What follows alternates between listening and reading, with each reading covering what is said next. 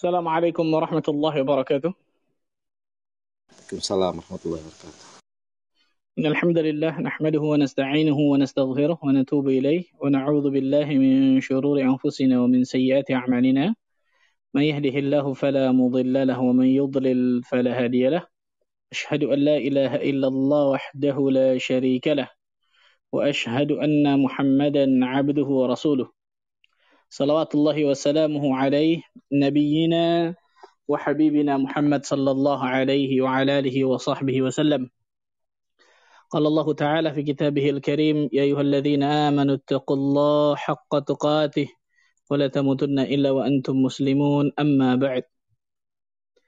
Ikhwani wa khatifiddin, rahimani wa rahimakumullah, saudara-saudariku sekalian, yang mudah-mudahan Allah Azza wa Jalla berikan keberkahan dalam kehidupannya.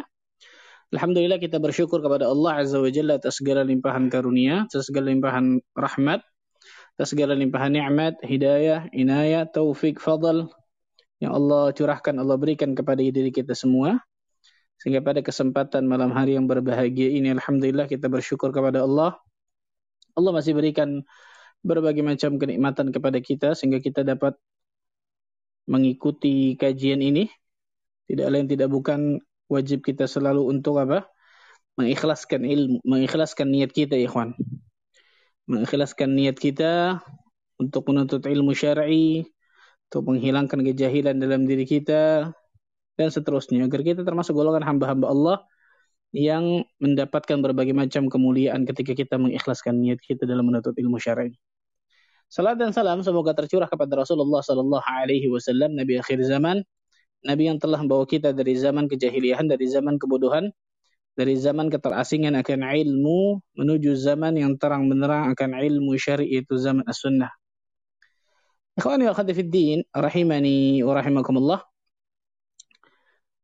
Melanjutkan mabahas kita ikhwan tentang kitab Khulasah Ta'zim Al-Ilm, ringkasan tentang keagungan ilmu, kemuliaan ilmu, sebuah kitab yang ringkas tapi sangat padat luar biasa yang dikarang oleh ulama kontemporer zaman sekarang, Syekh Saleh bin Abdullah bin Hamad Al-Usaimi, hafizahullah taala wa ra'ahu. Kita berdoa kepada Allah Azza wa Jalla mudah-mudahan Allah Azza wa Jalla jaga beliau. Kemudian Allah Azza wa Jalla selalu memberikan keistiqomahan kepada beliau, keikhlasan pada beliau, sehingga bisa memberikan berbagai macam faedah manfaat kepada kaum muslimin ikhwan. Allahumma amin. Masyaallah muslimin wal muslimat rahimani wa rahimakumullah. Hari ini insyaallah taala kita akan memasuki bab yang pertama. Al-Ma'qidul Awwal, simpul yang pertama atau bab yang pertama dari kitab Khulasah Ta'zimil Ilmi ini. Apa bab yang pertama itu? Beliau membawakan judul tathiru wi'ail ilmi. Subhanallah. Yang paling pertama, beliau membawakan judul tentang tathir. Tathir itu membersihkan atau menyucikan dari kata-kata tahur. Wi'ail ilmi. Wi'a, wi'a itu bejana, wadah. Al-ilm ilmu. Lihat yang paling pertama beliau bawakan dalam kitab beliau adalah membersihkan atau menyucikan wadah ilmu. Apa yang dimaksud di sini? Membersihkan hati kita. Membersihkan kalbu kita. Sebelum kita menuntut ilmu syar'i.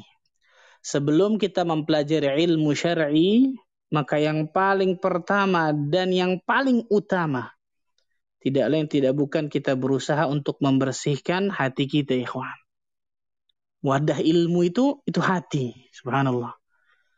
Rasul sallallahu alaihi wasallam bersabda dalam sebuah hadis yang sahih, "Inna lillahi fil ardi aniyah." Sesungguhnya Allah Azza wa Jalla mempunyai bejana-bejana di atas muka bumi ini. Apa bejana Allah tersebut? Qulubul mu'minin. Hatinya orang-orang yang beriman. Allahu Akbar. Hatinya orang-orang yang beriman ternyata itu bejana-bejananya Allah Azza wa Jalla. Allah Azza wa Jalla akan berikan ilmu kepada hatinya orang-orang yang beriman. Hati orang yang beriman adalah tidak lain tidak bukan hati orang-orang yang dalam hati tersebut ada cahaya keimanan. Ada mekar bibit-bibit ketakwaan kepada Allah Azza wa Jalla. Bukan hati yang dipenuhi dengan syahwat. Bukan hati yang dipenuhi dengan syubhat. bukan hati yang dipenuhi dengan berbagai macam fitnah di atas muka bumi ini, bukan hati yang kemudian marid, berpenyakit atau bahkan hati yang mayit, naudzubillah yang mati, tidak. Tapi hati yang apa? Hati orang-orang yang beriman, subhanallah. Makanya beliau mengatakan di sini, tathiru ya'il ilmi, penyucian wadah ilmu, yang dimaksud dengan wadah ilmu di sini adalah wahual qalbu, itu adalah hati. Kenapa? bihasabi taharatil qalbi yadkhuluhu al-ilm wa idza izdadat taharatuhu izdadat qabiliyatihi lil ilmi ilmu itu bisa masuk kata beliau sesuai dengan kadar kesucian hati. Perhatikan ikhwan, kalau kita ingin dapatkan ilmu yang bermanfaat, ini yang paling pertama harus kita lakukan ikhwan. Ilmu itu bisa masuk ke dalam hati seseorang, ilmu itu bisa bermanfaat bagi diri seseorang itu sesuai dengan apa? Sesuai dengan kadar kesucian ilmu, bayangkan. Eh, sesuai dengan kadar kesucian hati. Sesuai dengan kadar kebersihan hati seseorang. Semakin bersih, semakin suci hatinya, maka Allah Azza wa Jalla akan semakin berikan berbagai macam ilmu yang bermanfaat kepada dirinya. Tapi kalau ternyata hatinya tersebut semakin gelap, semakin jauh dari kebersihan hati, maka subhanallah ilmu itu hanya bisa menyerap sesuai dengan apa? Sesuai dengan kebersihan hati seseorang. Makanya jangan jangan kaget ikhwan kalau kita temukan orang-orang yang mungkin dalam pandangan kita luar biasa ilmunya banyak, tapi kok seakan-akan seperti nggak bermanfaat. Berapa banyak dari kita ketika kita menuntut ilmu syar'i, ikhwan. Kita lihat diri kita lah. Ketika kita menuntut ilmu syar'i, tapi tidak menghadirkan khasyatullah ke dalam hati kita. Ketika kita tidak ketika kita menuntut ilmu syar'i ternyata tidak menghadirkan apa? Tidak menghadirkan rasa takut kepada Allah tabaraka wa taala. Subhanallah. Padahal para ulama mengatakan Imam Ahmad bin Hanbal, Abdullah bin Mubarak, Imam Hasan al-Basri dan juga para ulama terdahulu rahimahumullah taala jami'an aslul ilmi khasyatullah taala. Asal usul dari ilmu itu adalah rasa takut kepada Allah. Itu aslul ilm. Bayangkan subhanallah, pondasi ilmu itu ketika seseorang punya rasa takut kepada Allah tabaraka wa ta'ala. Na'udzubillah ketika seseorang jauh dari rasa takut kepada Allah.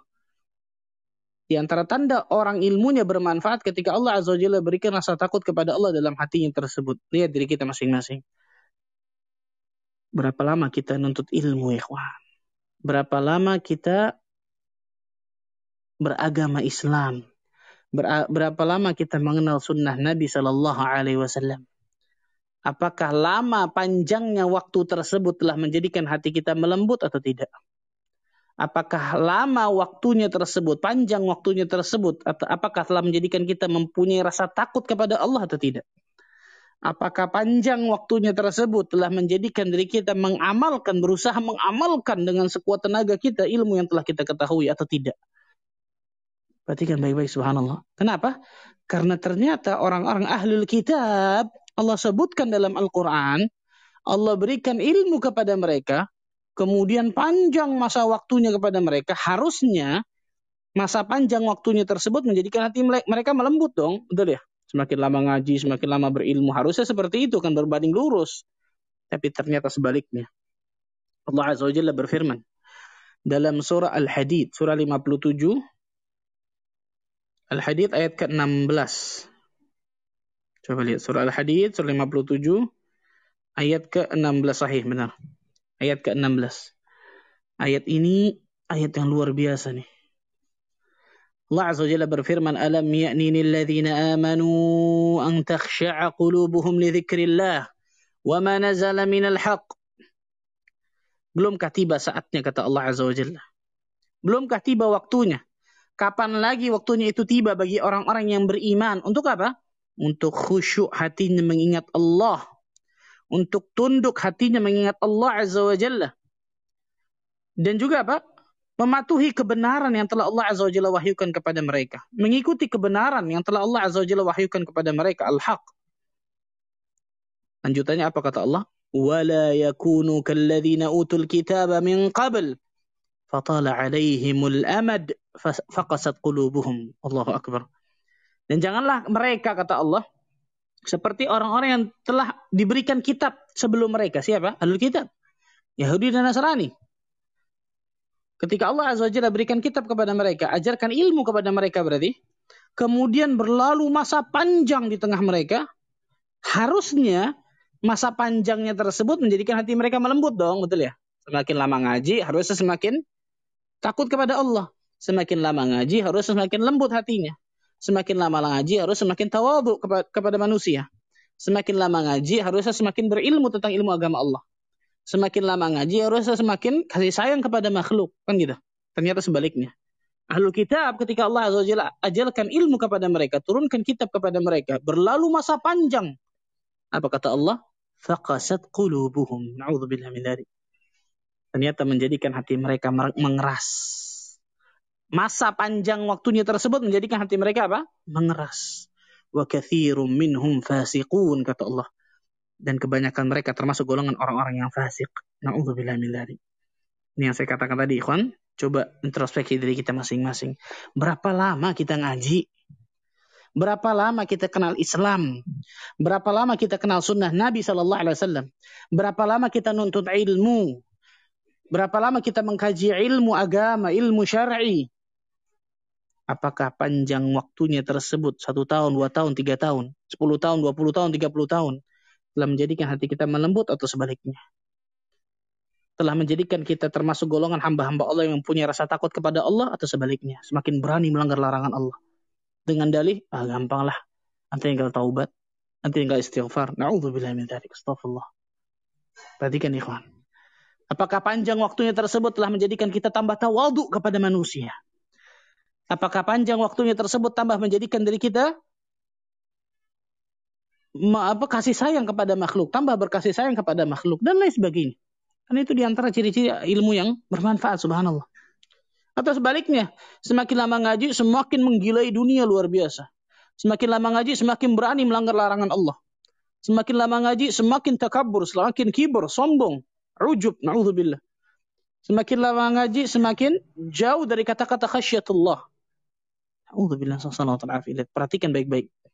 Kalau kita perhatikan bagaimana Syekh Saleh Al-Utsaimin hafizahullah taala menekankan akan hal ini dan ini yang memang diketekankan oleh para ulama terdahulu. Sebelum kalian belajar ilmu, maka bersihkan wadah ilmu terlebih dahulu. Bersihkan apa? Wadah ilmu terlebih dahulu. Beliau membawakan satu perkataan yang luar biasa. Perkataan ini sudah sangat pantas ditulis dengan tinta emas ya Kalau perlu perkataan beliau ini antum print, antum tempel di kamar antum nih subhanallah. Apa itu? Beliau mengatakan al-ilmu jauharun latif la yasluhu illa lil qalbin nadhif. Ilmu itu tuh ilmu agama, ilmu syar'i itu ibarat permata yang sangat indah Permata yang sangat berharga kata beliau. La yasluhu illa lil qalbin nadhif. Dan ingat, permata yang indah itu tidak akan pernah pas. Tidak akan pernah cocok kecuali di tempat yang indah pula. Kecuali di tempat yang bagus pula. Kecuali di tempat yang bersih pula. Kalau antum lihat ikhwan, ada pameran perhiasan. Itulah. Biasanya kan ada tuh pameran perhiasan, pameran berlian dan sebagainya. Kan biasa di apa? Perhiasan tersebut ditaruh di dalam kaca, betul ya? Dikasih lampu dan lain sebagainya. Dijaga bahkan ketat dan lain sebagainya. Itu duniawi, Juan. Ilmu agama Allah ini lebih berharga daripada dunia dan seisinya. Bayangkan, ikhwan. Itu duniawi itu. Mata' dunia. Perhiasan dunia itu yang harganya bisa mm-an luar biasa, ditaruh di tempat yang bagus, betul ya? Ditaruh tempat yang bagus, dikasih lampu, dikasih kaca, dikasih tempat yang luar biasa bagus. Ilmu agama Allah ini jauh harun natif, kata beliau. Itu seperti permata yang indah itu tuh. Permata yang sangat bagus luar biasa, sangat mulia. Dan permata ini nggak mungkin pas, nggak mungkin cocok kalau kecuali di tempat yang indah pula. Kecuali tempat yang bagus, yang bersih pula. Itu hati kita. Hati kita. Jadi kalau hati kita kotor, kemudian dapatkan ilmu, dapatkan ilmu, dapatkan ilmu, hati-hati. Biasanya ilmu tersebut akan memadaratkan dirinya dunia dan akhirat. Dan ini pentingnya yang namanya tazkiyatun nafs. Ini pentingnya namanya apa? Penyucian hati. Menyucikan jiwa kita, membersihkan hati kita dari segala macam kotoran hati, ikhwan. Segala macam penyakit hati. Karena penyakit hati ini luar biasa banyak nih, ikhwan. Mungkin lebih banyak daripada penyakit jasmani, subhanallah. Riak ketika beramal, sum'ah, ujub, kibr, sombong, hasad, suudon, ghibah, dan lain sebagainya, subhanallah dari penyakit-penyakit apa? Hati yang sangat luar biasa banyaknya. Ilmu agama Allah tidak akan pernah bermanfaat kecuali ketika hati kita bersih dulu. Subhanallah. Ini penting nih, kawan. Antum punya gelas nih, kawan. Gelas itu mahal. Bagus luar biasa. Diisi dengan air yang mahal pula. Atau air yang bagus, air zam-zam misalnya, subhanallah. Tapi dalam gelas itu kotor. Dalam gelas itu apa?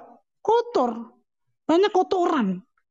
Diisi. Siapa yang mau minum gelas itu? Air nggak bermanfaat, betul ya? Sama seperti itu, ikhwan. Ketika ilmu agama Allah Azza wa Jalla yang kita tahu bersama luar biasa berharganya, lebih berharga pada dunia dan seisinya, betul ya?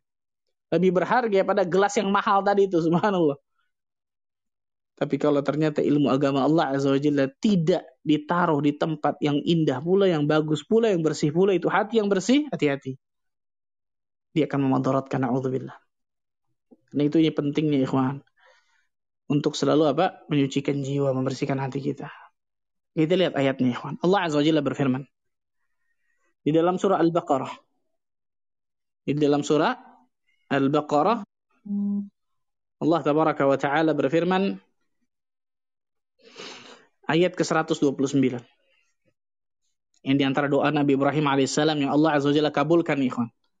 Rabbana wab'ath fihim rasulan minhum yatlu alaihim ayatik. Ya Allah ya Tuhan kami. Utuslah kepada mereka ini seorang rasul dari kalangan mereka sendiri.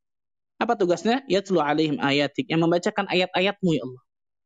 Wa yu'allimuhum al-kitab wal hikmah. Mengajarkan Al-Quran dan juga As-Sunnah. Al-Kitab dan Al-Hikmah di sini tafsirnya Al-Quran dan As-Sunnah.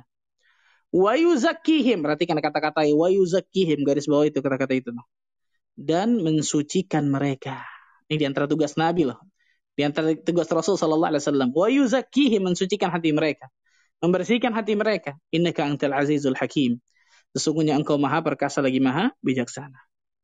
Lebih jelas lagi kita lihat ikhwan. Dalam surah Al-Jumu'ah ayat kedua. Ini lebih tegas lagi subhanallah. Dalam surah Al-Jumu'ah ayat kedua. Allah tabaraka wa ta'ala berfirman, "Huwa alladhi ba'atha fil ummiyina rasulan minhum yatlu 'alaihim ayatih."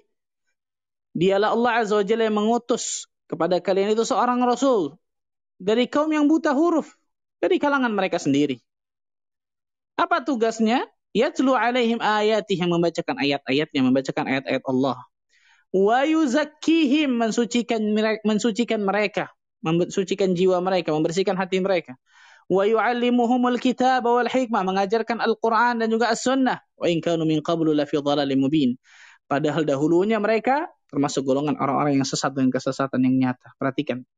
Dalam surah Al-Jumu'ah ini lebih tegas lagi Allah mengatakan. Lihat, Allah mendahulukan kata-kata wa yuzakkihim baru wa yu'allimuhumul kitab wal hikmah. Betul ya?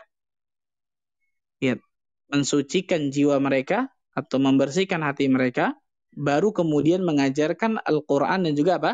As-Sunnah. Allahu Akbar. Ini ada hikmah besar kata para ulama di sini nih. Kalau antum ngelihat para petani, ikhwan. Antum ada yang petani nggak nih, ikhwan? Di Jakarta nggak pernah nani antum ya. Hidroponik mungkin. Kalau antum lihat para petani, yang paling pertama petani akan lakukan sebelum menanam, bagaimana agar tanahnya itu subur. Betul ya? Bagaimana agar tanahnya itu gembur. Kan gitu ya? dicangkul, dikasih air, dikasih pupuk, dan lain sebagainya.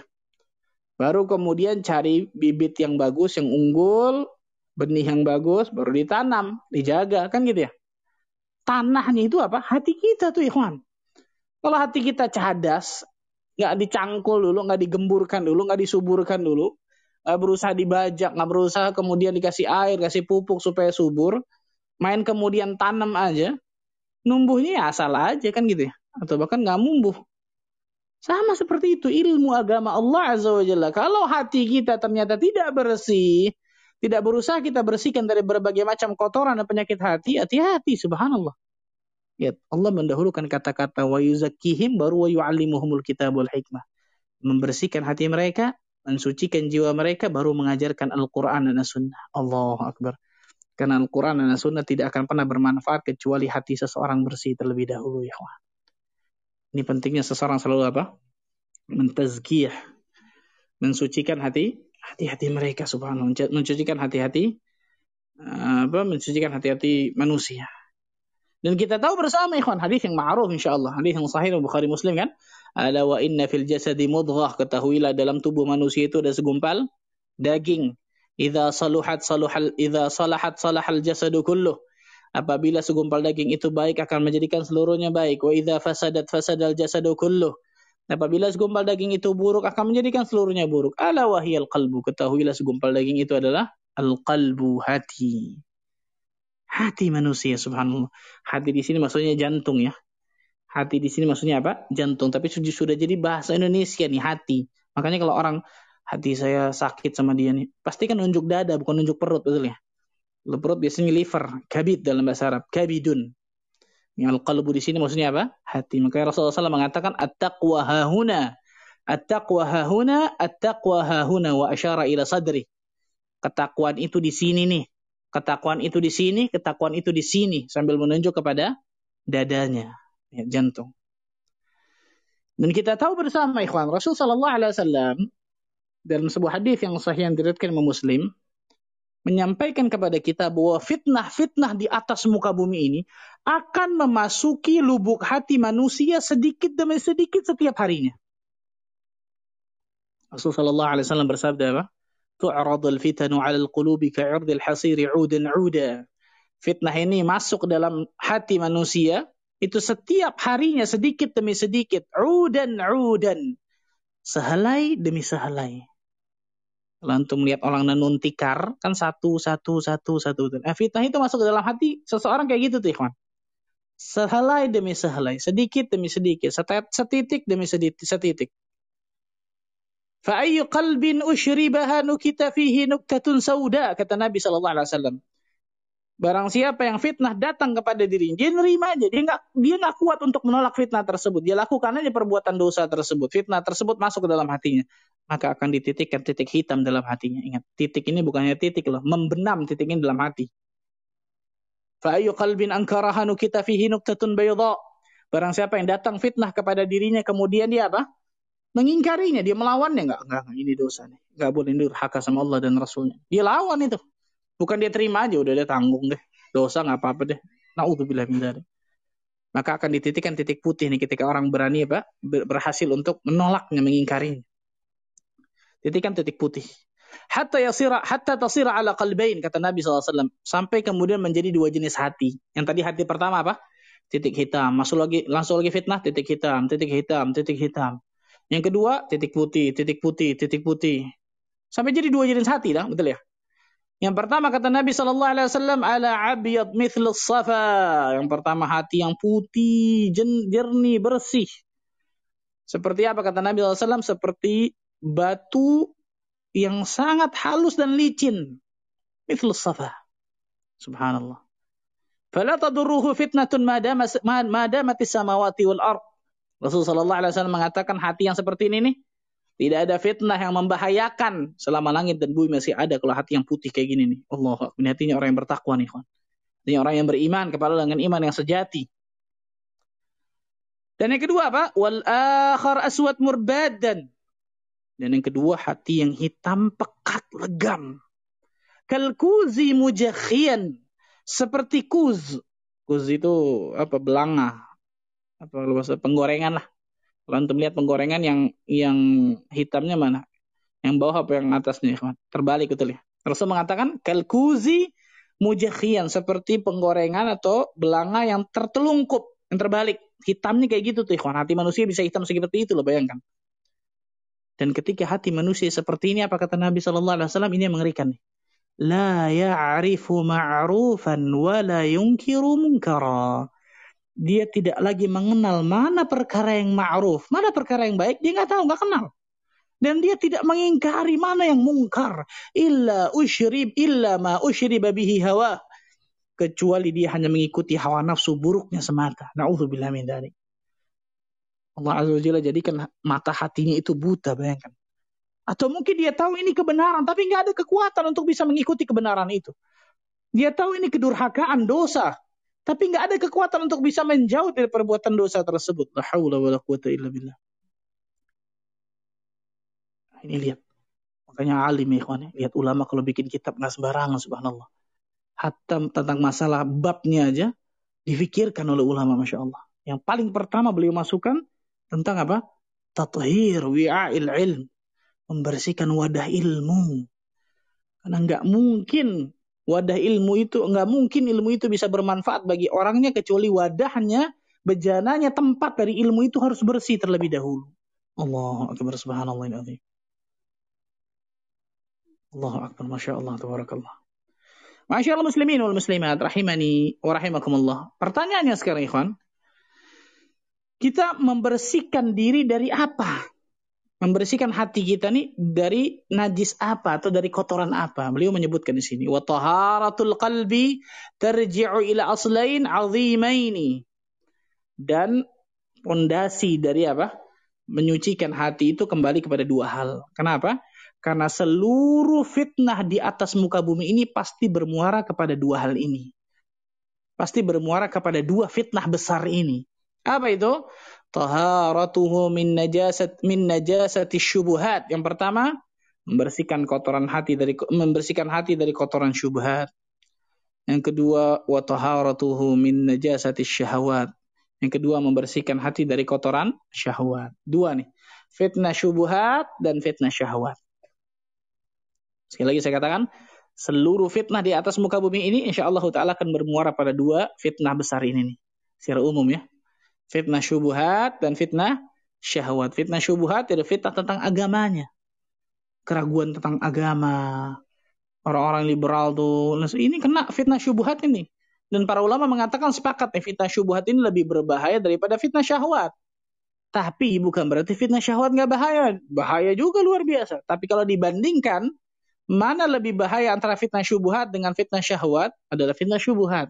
Kenapa? Karena biasanya orang ketika terkena fitnah syubuhatnya, dia merasa dalam kebenaran, padahal itu salah. Padahal bahkan itu sebuah kesesatan, kekeliruan yang besar. Na'udzubillah, itu syubhat. Halus. Dan kebanyakan orang yang terkena fitnah syahwat, dia biasanya menyadari ini salah. Kan gitu. Orang yang berbuat zina, minum khamar, mencuri, dan lain sebagainya kan gitu. Kebanyakan orang dalam hatinya, ya saya tahu ini haram. Tapi saya nggak bisa meninggalkannya. Saya kalah sama syahwat ini kan gitu. Dan ini pun bahaya pada hakikatnya. Tapi kalau ditanya yang lebih berbahaya, yang pertama lebih berbahaya syubhat. Fitnah keraguan tentang agama dan lain sebagainya. Minta masalah ini, kan subhanallah. Dan ingat, Rasul Sallallahu Alaihi Wasallam mengatakan dalam sebuah hadis yang sahih. Hadis ini menjadi landasan bagi diri kita. Ketika kita ingin dicintai oleh Allah Azza wa Jalla, perhatikan hadis ini baik-baik.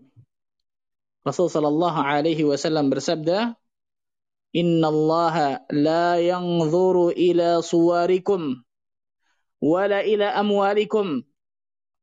Fi riwayah, "Wala ila ajsamikum, walakin yanzuru ila qulubikum wa a'malikum." Rawahu Muslim.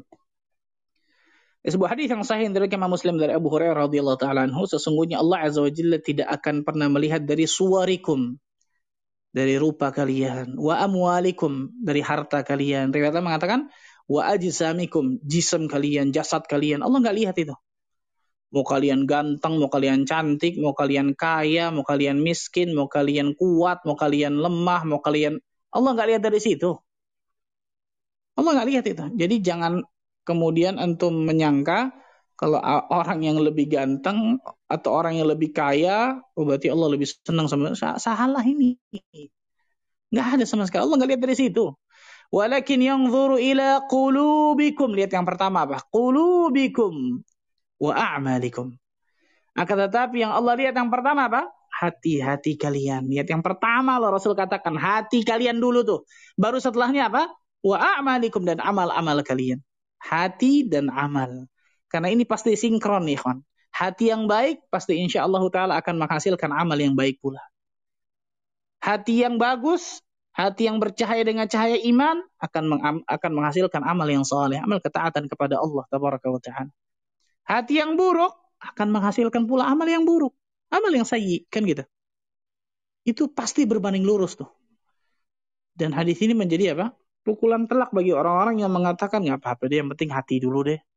Padahal amalnya berantakan. Nggak mungkin itu amal itu mencerminkan hatinya pasti. Makanya Rasulullah SAW menggandengkan kulubikum wa a'malikum. Hati kalian kemudian apa? Amal kalian karena hati yang baik pasti akan apa? Pasti akan mengeluarkan, menelurkan amal kebaikan pula. Amal saleh, bukan amal toleh, bukan amal buruk. Na'udzubillah min dzalik. Perhatikan baik-baik subhanallah ini. Berapa banyak kita lihat kaum muslimin dan muslimat terutama diri kita ikhwan kalau kita keluar rumah sisiran, betul ya? Ya bagus kalau ketika ketika memang apa? Niat niatnya untuk apa? Innallaha jamil yuhibbul jamal. Sesungguhnya Allah itu maha indah, menyukai keindahan sehingga kita rapi. Silahkan. Tapi berapa banyak dari kita yang lebih mengkonsentrasikan diri kita dari penampilan luar tapi lupa dengan hatinya. Sahih, ikhwan? Betul ini. Lupa dengan apa? Hatinya. Berapa banyak kita kaum muslim seperti itu. Allah akbar. Na'udzubillah min dzalik. Nasallahu salamat al-afiyah. Nah, ini pentingnya ketika seseorang selalu apa? Berusaha membersihkan hatinya. Masyaallah muslimin wal muslimat rahimani wa rahimakumullah. Kemudian Syekh mengatakan Syekh mengatakan perkataan yang luar biasa. Kata beliau apa? Wa idza kunta tastahi min nadhari makhluqin mithlika ila wasakhi thawbika fastahi min nazarillah ila qalbika. Allahu Akbar. Apabila engkau malu nih kata beliau. Dari pandangan makhluk. Jika ada kotoran yang menempel di bajumu. Kalau di baju kita ada kotoran, kita jalan ke mana-mana. Biasanya kan nggak pede, betul ya? Kotor bajunya. Jika kalian malu dengan pandangan makhluk, ketika di baju kalian ada kotoran, maka apa kata beliau? Fastahi min nazarillah ila qalbika. Allahu akbar. Maka hendaklah kalian lebih malu terhadap pandangan Allah terhadap apa? Hati kalian. Allahu akbar. Subhanallah. Wa fihi ihanun wa balaya wa dhunubun wa khataya beliau mengatakan. Karena apa? Sungguh di situ terdapat berbagai macam penyakit hati dan juga keburukan. Ihanun wa balaya wa dzunubun wa khataya dan juga terdapat apa? dosa-dosa dan kesalahan-kesalahan. Ini yang saya katakan tadi berapa banyak orang-orang yang lebih apa? mementingkan tentang penampilan luarnya tapi lupa dengan kondisi hatinya. Berapa banyak ketika kita beribadah kepada Allah hati kita riak nih. Apa riak itu? Beribadah supaya dilihat orang, supaya dipuji, disanjung kan gitu. Atau sum'ah, beribadah supaya ibadah ini dengar orang lain. Tujuannya sama, supaya dipuji, disanjung. Padahal Allah Azza wa Jalla mengetahui apa pandangan mata yang berkhianat dan apa yang dalam hati manusia loh subhanallah. Ya alamu kha'inatul a'yun wa ma sudur kata Allah. Allah mengetahui mana pandangan mata yang berkhianat dan apa yang ada di dalam hati manusia. Kok berani-beraninya ketika kita lagi sholat, lagi ibadah apa pun itu, hati kita menginginkan kepada selain Allah. Na'udzubillah min ingin dipuji, ingin disanjung, ingin mendapatkan tempat di hati masyarakat dan lain sebagainya. La haula wala quwata illa billah. Banyak orang lalai tentang ini. Jadi banyak orang mengkonsentrasikan tentang kondisi fisiknya tapi lupa dengan hatinya. Bahkan, perhatikan nih, bahkan banyak orang yang lebih memfokuskan dirinya dengan apa? Dengan amal zahirnya tapi lupa dengan amal hatinya. Perhatikan baik-baik nih, kawan. Amal zahirnya, sholat, puasa, zakat, haji, umrah, dan lain sebagainya. Jihad, dan lain sebagainya. Setelah ini apa amal apa lagi? Setelah ini apa lama lagi? Terus terus diperhatikan. Bukan nggak boleh, bagus. Tapi dia terlalaikan dari amalan hatinya. Lupa bahwa hatinya itu dia harus ikhlaskan. Apa gunanya dia haji tiap tahun misal. Umrah tiap tahun misal. Kemudian apa? Sholat berjamaah ke masjid. Sodakoh luar biasa, Masya Allah tapi hatinya tadi penuhi dengan penyakit hati, ria, sum'ah, ujub, kibur, hasad. Nggak ada manfaatnya tuh ikhwan ketika contoh. Ketika amal kita tercampur dengan ria. Allah Azza Jalla nggak bakal terima. Ketika amal kita ternyata ujub, bangga akan amalan kita. Bangga akan diri kita. Melihat diri kita ada suatu kelebihan yang tidak dimiliki orang lain. Hati-hati nih. Bahkan sampai meremehkan orang lain. Bahkan sampai menolak kebenaran yang disampaikan kepada dirinya. Kibar, sombong. La haula wa la quwata. Makanya para ulama mengatakan apa? A'malul qulub afdal min a'malil jawarih. Sepakat ulama mengatakan amal-amal hati itu lebih afdal, lebih utama daripada amal-amal anggota tubuh. Bukan berarti amal anggota tubuh nggak penting. Perhatikan salah nih, jangan kayak murjiah yang mengatakan oh sama hati orang hati seorang ulama dengan hati pencuri ya sama amal ini salah ini subhanallah. Al-sunnah selalu tengah-tengah antara antara mur antara murjiah dengan khawarij. Al-sunnah tengah-tengah. Al-Sunnah mengatakan betul amal hati itu luar biasa penting. Eh, betul amal badan itu luar biasa penting. Tapi amalan hati jauh lebih penting kan gitu. Untuk apa seorang banyak ribuan rokaat dia sholat tapi gak ikhlas? Kan gitu. Allahu Akbar subhanallah ini itu ahlus sunnah wal jamaah. Selalu ahlul wasat, selalu tengah-tengah tuh. Dari dua dua pemahaman yang salah. Contohnya murjiah dengan khawarij. Yang disebutkan oleh Syekh tentang masalah ini. Kemudian Syekh mengatakan man tahhara qalbahu fihi al-ilmu halla wa man lam yarfa' minhu najasatuhu wada'a al-ilmu wartahala. Subhanallah. Barang siapa yang mensucikan hatinya, maka ilmu itu layak untuk menetap di dalam hatinya tersebut. Dan sebaliknya. Barang siapa yang tidak berusaha membersihkan hatinya dari kotoran-kotoran hati, bahkan dia biarkan kotoran hati itu tetap menempel menempel dalam hatinya, maka ilmu tidak akan pernah menetap dalam hatinya tersebut. Allah Sahal ibn Abdullah rahimahullahu taala mengatakan apa? Haramun ala qalbi. Haramun ala qalbin an yadkhuluhu an-nur fihi syai'un mimma yakrahuhu Allah azza wa. Ya Allah. Ini luar biasa penjelasan dari Sahal ibn Abdullah ini rahimahullahu taala. Haram atas hati mana pun masuk ke dalam hati tersebut cahaya ilmu selagi di situ ada sesuatu yang dibenci oleh Allah. Ya Allah. Kalau dalam hati kita ada sesuatu yang dibenci oleh Allah, tadi tuh ria, sum'ah, ujub, kibur, hasad, suudzon, penyakit-penyakit hati yang luar biasa banyaknya dan bahayanya kronisnya itu naudzubillah, maka haram ilmu itu akan masuk ke dalam hati kita. Sahli bin Abdullah rahimahullah taala sampai mengatakan seperti itu, ya. Allahu Akbar. Allah musta'an subhanallah. Ini pentingnya ketika seseorang selalu apa? Berusaha membersihkan wadah ilmu. Itu adalah hatinya. Jangan pernah lalai, ya ikhwan. Jangan pernah lalai. Makanya saya sering sampaikan ini, ikhwan. Pelajaran tentang tazkiyatun nufus, tazkiyatun nafs, penyucian jiwa, pembersihan hati, itu luar biasa pentingnya. Luar biasa pentingnya, subhanallah. Saya kasih contoh nih, ikhwan. Ketika orang contoh, dia belajar ilmu tajwid, bahkan ilmu qiraat Al-Quran, qiraatul Quran. Dengan qiraat sab'ah misal. Dan itu sulit, luar biasa. Kalau antum belajar qiraat dengan qiraat sab'ah itu luar biasa. Mulut antum diperhatikan pasti sama guru antum. A, ghain, fa, dan lain sebagainya, ta. Itu luar biasa. Kalau orang itu belajar ilmu alat, disebutkan oleh para ulama ilmu alat. Contohnya tadi ilmu tajwid, ilmu bahasa Arab, kemudian usul fikih dan lain sebagainya. Tapi dia tidak barengi dengan ilmu-ilmu raqaiq, melembutkan hati, contohnya ini tazkiyatun nafs, maka biasanya orang ini akan keras hatinya. Contoh, orang belajar ilmu tajwid tadi, beliau belajar ilmu tajwid luar biasa subhanallah. Detail luar biasa. Tapi dia lupa untuk belajar ilmu tazkiyatun nafs nih. Dia lupa untuk menyucikan jiwanya. Dia lupa untuk baca buku-buku tentang rakaik melembutkan hati. Ketika imam sedang baca Al-Quran, ikhwan, antum jadi makmum nih, misalnya baru belajar nih. Terutama orang-orang sabuk putih biasanya nih, saya sering bahasakan sabuk putih nih. Ketika imam sedang baca Al-Quran, baca ayat, antum jadi makmum. Antum akan perhatikan apa? Wah imam salah nih. Ini harusnya A ini agak tekan nih. Wah imam salah nih. Harusnya haknya harus lembut nih. Gak boleh H agak, agak, besar nih. Wah imam salah nih. Harusnya G, G bukan Go nih. Padahal yang dibaca oleh imam itu ayat tentang neraka, ayat tentang surga, ayat tentang yaumul mahsyar. Bayangkan ikhwan. Harusnya dia menangis mendengar ayat tersebut, tapi terjadi terjadi apa? Sebaliknya, sahih.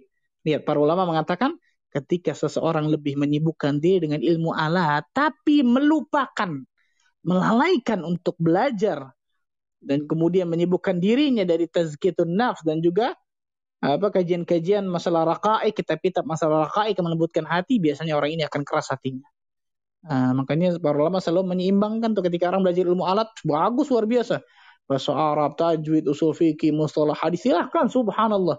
Tapi jangan lupakan untuk mempelajari apa? Ilmu membersihkan hati ini nih. Tathir wi'ail ilmi. Membersihkan wadah ilmu. Agar ilmu kita bisa bermanfaat. Nah ini disebutkan oleh Syekh rahimahullah ta'ala, uh, Syekh hafizahullah ta'ala tentang masalah ini. Wallah alam bisahab.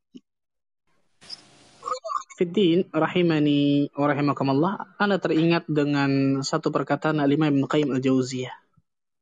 Beliau mengatakan wa madar sihah ala hifdzil quwwa wal himya ala al-mu'dhi wal istifragh al-mawad al-fasidah. Nazar tabib dairah ala hadhihi al-usul al-thalatha. Menjaga kesehatan hati itu berporos pada tiga hal kata beliau. Menjaga kesehatan hati ini kalau kita ingin jaga wadah hati kita selalu bersih, selalu sehat, selalu bagus kan itu, lakukan tiga hal ini kata Ibnu Qayyim. Dan ini sama seperti ketika seseorang ingin menjaga kesehatan badannya. Ini hebatnya Ibnu Qayyim nih, dia seorang ulama dan dia seorang tabib, seorang dokter juga luar biasa ilmunya Masya Allah. Apa saja itu? Yang pertama adalah hifdzul quwwah. Hifdzul quwwah. Jaga kekuatan hati kita. Jadi ke, jaga kekuatan atau stamina hati kita. Dengan apa? Dengan amal saleh. Yang saya katakan tadi nih, sibukkan diri dengan amal saleh. Jaga kekuatan hati kita nih, jaga kekuatan atau stamina hati kita dengan melakukan amal saleh, menyibukkan diri dengan amal saleh. Amal saleh yang jelas ikhlas dan ittiba'ur rasul ya. Yang kedua apa itu? Al-himyah 'anil mu'dhi. Uh, apa? Menjauhkan uh, menjaga istilahnya menjaga perlindungan dari sesuatu yang bisa memperparah sakit. Jadi kalau hati kita ingin sehat, ingin bersih, maka kita harus menjaga unsur-unsur yang berbahaya yang bisa masuk ke dalam hati. Itulah bahasanya. Jadi kita harus jaga diri kita nih, jaga hati kita dari unsur-unsur yang berbahaya yang bisa masuk ke dalam hati kita. Sama seperti orang jaga, badan betul ya. Kalau yang pertama tadi berarti olahraga, olahraga betul ya badannya. Jaga kekuatan, jaga stamina. Yang kedua ini jangan masukkan sesuatu yang berbahaya baik dalam hati kita. Apa itu? Jangan makan makanan yang berbahaya. Makanya semua yang haram itu kan diharamkan oleh Allah.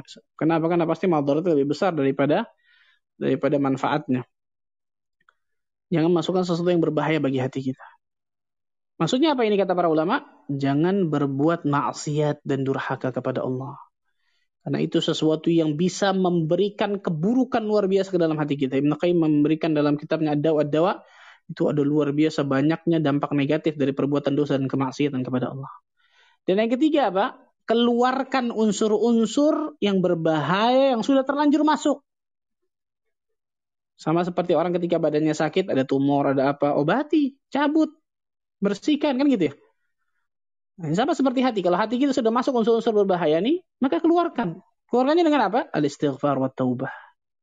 Istighfar dan taubat kepada Allah. Tiga hal nih. Jaga kekuatan stamina hati dengan beramal saleh.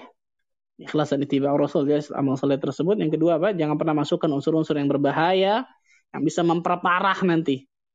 Sakit dalam hati kita itu jangan pernah melakukan kemaksiatan durhaka kepada Allah dan Rasulnya. Yang ketiga, keluarkan unsur-unsur yang berbahaya yang sudah terlanjur masuk ke dalam hati kita dengan istighfar dan taubat. Mudah-mudahan itu kita termasuk golongan hamba-hamba Allah yang selalu Allah berikan kebersihan hati dan mudah-mudahan Allah Azza Jalla selalu berikan taufik hidayah kepada diri kita untuk bisa meniti syaratul mustaqim sampai nantinya Allah Azza Jalla wafatkan kita dalam keadaan husnul khatimah. Barakallahu fikum subhanakallah bihamdika asyhadu an la ilaha illa anta astaghfiruka wa atubu ilaik. Wassalamualaikum warahmatullahi wabarakatuh.